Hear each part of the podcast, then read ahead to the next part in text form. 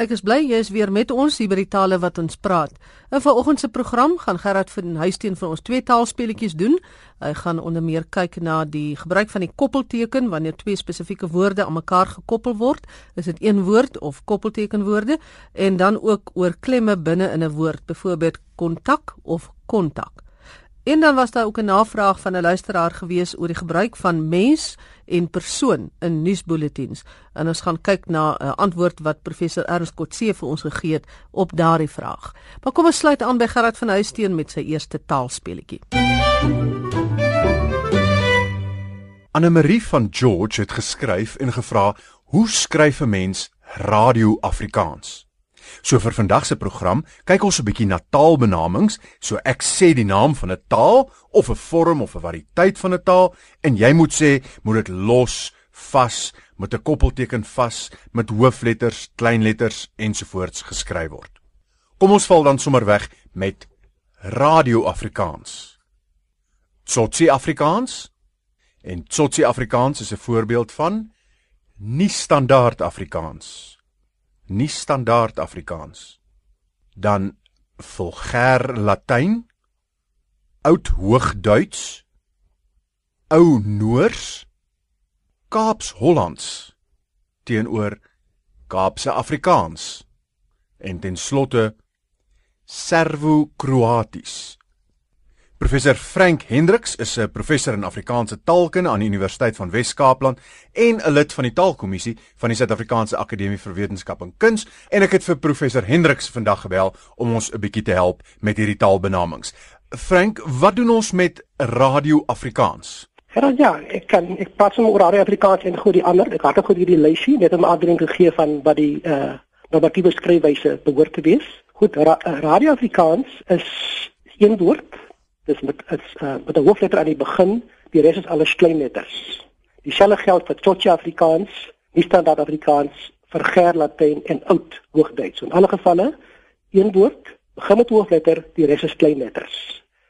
Met Tsotsi Afrikaans sou daar is daar alternatiewe en mense as gevolg van die oproeping van klinkers kan 'n mens tussen Tsotsi en Afrikaans 'n koppelteken sit en dan in so 'n geval kan jy kan die Afrikaans of met 'n kleiner geskryf word of met hoofletter geskryf word. Goed so en dan kom ons by ou Noors.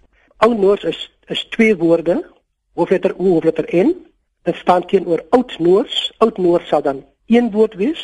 Hoofletter aan die begin, die res is klein letters. Net soos in die geval van oud Hoogduits dus. Inderdaad ja.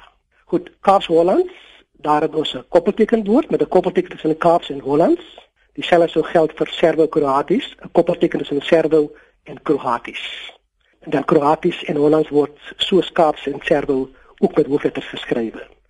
Dan Kaaps-Afrikaans is twee woorde, Kaaps se begin met hoofletter en Afrikaans ook met hoofletter.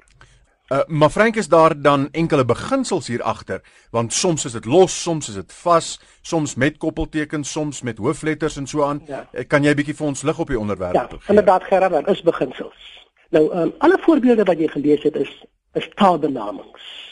En hierdie soort uh, benamings begin volgens spelreël 9.1 in die Afrikaanse woordelike spelreëls met 'n hoofletter, onder meer omdat hulle as eie name bestempel word. Voorts alle voorbeelde wat jy gelees het is saamgestelde of komplekse taalbenamings. Anders as byvoorbeeld net Duits of net Afrikaans of ja, net Engels. Ja, ja, presies. Elk bestaan vormelik uit twee komponente. Dit is 'n basiese taalnaam soos Afrikaans, Latyn, Hollands en Kroaties as tweede komponent vooraf gegaan deur 'n eerste komponent wat die basiese taalnaam op 'n manier kwalifiseer. Nou die die twee komponente van 'n saamgestelde taalbenaming word op een van drie maniere geskryf. Of vas sonder koppelteken, of vas met 'n koppelteken, of los.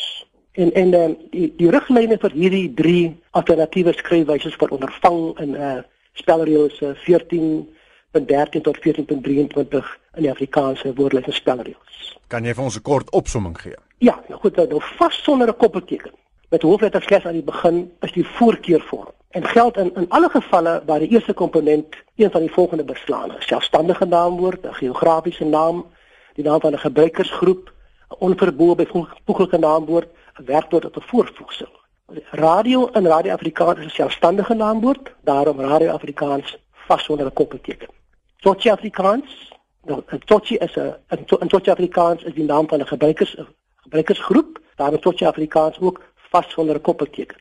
Wat nie standaard Afrikaans betref, uh die volgende word sonder 'n koppelteken vasgeskryf en daar's eintlik twee reëls wat hier besprake is.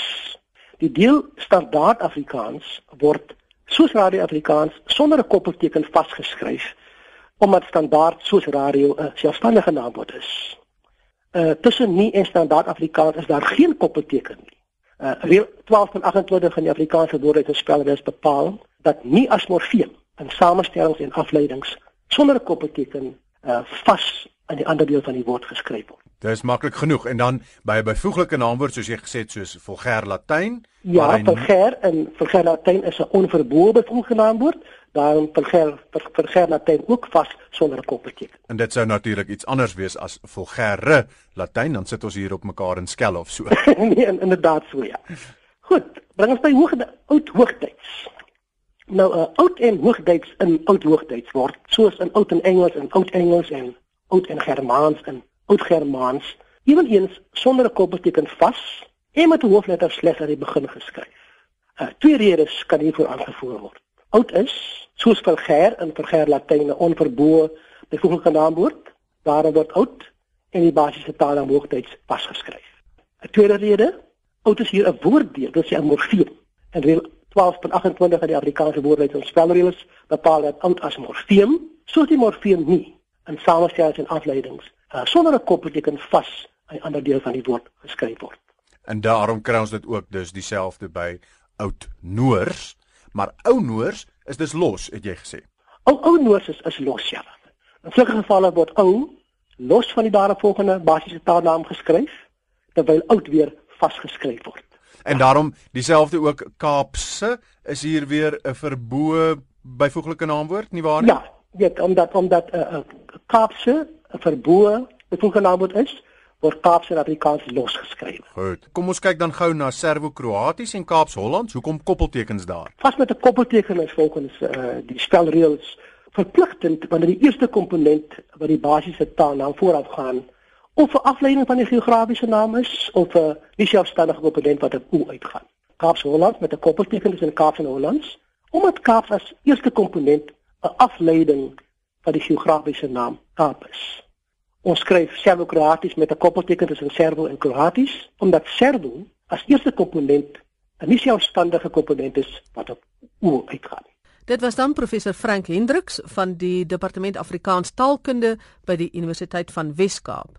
En voordat ons by die volgende taalspeletjie kom, net eers 'n navraag wat ons gehad het van 'n luisteraar oor die gebruik van mens en persoon in nuusbulletins.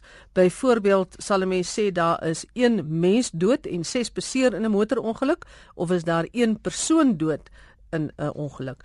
Ons het vir professor Ernst Kotse gevra om vir ons 'n bietjie duidelikheid te gee en hy het die antwoord so aan ons gestel.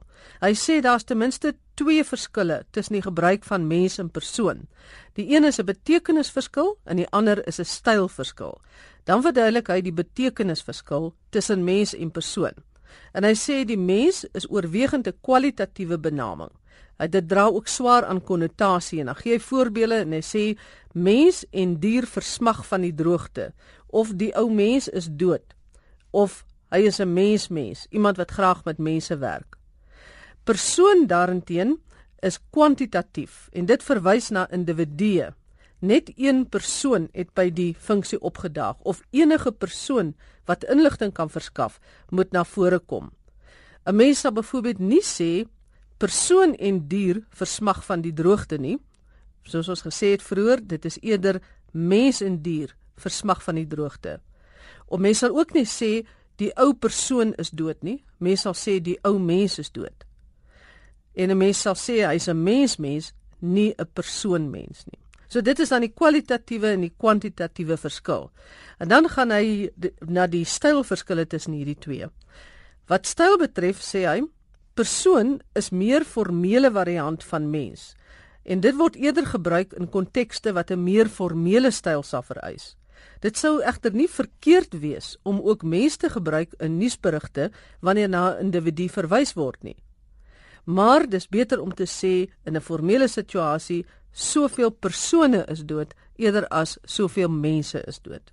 Maar soos hy sê, nie een van die twee is verkeerd nie. Nou ja, daar het jy dit. Ek hoop daar's 'n bietjie meer duidelikheid. En nou sluit ons weer aan by Gerard van Huisteen vir die taalspeletjie en hy en Bert is gesels oor klemme. Johan van Sannieshof het onlangs vir my 'n e e-pos gestuur en gevra waar lê die klemtoon in 'n woord soos minister? Is dit minister of is dit minister? Vir vandag se program het ek vir ons 'n klompie woorde saamgebring wat jy moet raai waar die klemtoon lê. Ek gee vir jou twee moontlikhede. Ek sê byvoorbeeld minister of minister. En jy moet sê watter een van die twee korrek is. Kom ons val weg. Sê ons kontak of kontak. Telefoon of telefoon. Abstrak of abstrak. Silinder of silinder. Paradoks of paradoks. Ver regs, ver regs of ver regs. En die laaste ene geel wortel of geel wortel. Om ons vanoggend te help met hierdie klemtoon kwessies, het ek vir professor Bertus van Rooi, professor in taalkunde aan die Vaal 3 kampus van die Noordwes Universiteit gebel. Bertus, is daar enkele beginsels met betrekking tot klemtone in Afrikaans? Gerard, daar is 'n paar eenvoudige beginsels. Uh in teorie maar in praktyk is hulle soms bietjie moeilik. Die eerste en die maklikste een is dat ons moet onderskei tussen simplekse en komplekse woorde. 'n Komplekse vorm soos ver regs bestaan eintlik uit twee woorde en elke woord het gewoon sy eie klemtoon. En dan sal ons sê watter een van die twee woorde dra die hoofidee uit en dit is hier regs. So die sal 'n bietjie sterker klem kry, maar hulle kan eintlik ongeveer gelyke klem kry. Daarteenoor jou voorbeeld geel wortel is dikwels 'n samestelling, dis 'n tipe wortel. Dis nie noodwendig dat hy geel is of dat geen ander wortel geel kan wees nie. Omdat dit 'n samestelling is, val die klem op die eerste gedeelte van die samestelling. Daarom sal ons sê geel wortel. So dit is wat komplekse forme betref. Simplekse forme het 'n bietjie meer ingewikkelde stelsel van klemtoontoekenning. Afrikaans het soort van sy eie ritme. Daai ritme is die trogee. Dit beteken daar's twee lettergrepe na mekaar en die eerste een van daai twee is die sterker een van die twee, soos hardloop of vinnig. Maar hierdie basiese trogee ritme van Afrikaans word soms 'n bietjie versteur deur die gewig van die verskillende lettergrepe in ons woorde. Kom ons neem 'n paar van die verdere voorbeelde. Silinder se ritme is dan nou silinder. Die trogee kom aan die einde van die woord voor met linder en die eerste enetjie hang so bietjie in die lug rond. Dieselfde sou mens kon sien by minister. En ons sien dit in 'n geval by die meeste Afrikaanse woorde wat uit net twee lettergrepe bestaan, soos vinnig. Maar as die laaste lettergreep nou 'n baie swaar lettergreep is, soos by paradoks, dan is hierdie swaar laaste lettergreep so sterk dat hy die klem na die einde toe aantrek. Wat dit nou verder moeilik maak in Afrikaans is dat sommige woorde vanuit Nederlands oorgeerf is, maar in die proses van oorerwing het 'n letter verloor of 'n klank eintlik verlore gegaan. So waar Nederland sal praat van kontak of in Engels dan ook contact, het Afrikaans daai slot t verloor, dieselfde met abstrakt wat in Nederland abstrakt eh, is met 'n slot t. Maar Afrikaans het wel die t verloor en tog nie die klemtoon verskuif nie. So in die geval van kontak en abstrakt val die klem steeds op die laaste lettergreep want histories was hierdie laaste lettergreep 'n baie swaar lettergreep geweest. Maar in Engels sê ons dus contact en abstract. Dit is waar. So hier verskil die klemtoon in Afrikaans en Engels want by Engels is die geneigtheid om tog eerder die trogee ritme te behou. Die tweede laaste lettergreep of dan in 'n twee lettergrepe gewoord, die eerste ene is 'n baie sterker krag in die Engelse fonologie as in Afrikaans. So by Afrikaans as jy 'n swaar genoeg slotlettergreep het, dan kry jy omtrent altyd klem op daardie slotlettergreep, maar in Engels het jy baie meer rede nodig om klem op die slotlettergreep te plaas.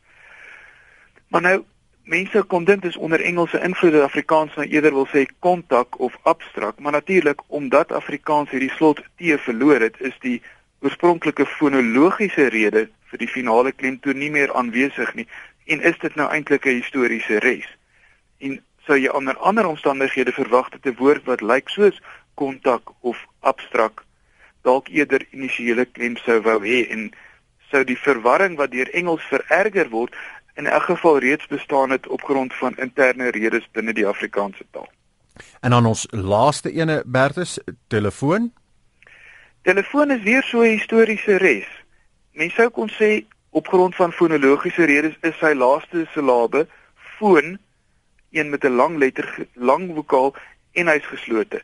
Dus dis 'n lekker swaar slotsilabe en sou hy die klem wou dra. Engels weer sal die klem op die eerste lettergreep plaas want in Engels is die laaste lettergreep gewoon nie sterk genoeg om die klem aan te trek nie. Maar nou is dit nog 'n leenwoord en dit kom van Grieks af, so daar's soveel verwarrende redes dat hier eintlik in Afrikaans, maar ook in Nederlands en ook in Duits van die begin af die klemtoon op die slotsilabe geplaas is, lank voor hierdie tale in die laat 19de eeu gereeld met Engels uh, in kontak gekom het. en behou ons om historiese redes die klemtoon tog maar gewoon op die laaste lettergreep. Bertus, baie dankie. Ek praat graag 'n volgende keer weer met jou. As jy enige vrae het, stuur gerus vir my 'n e e-pos by taalvraag@rsg.co.za.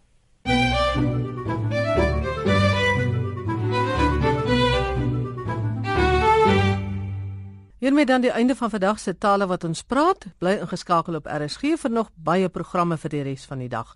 Groete van my Magtleen Creer.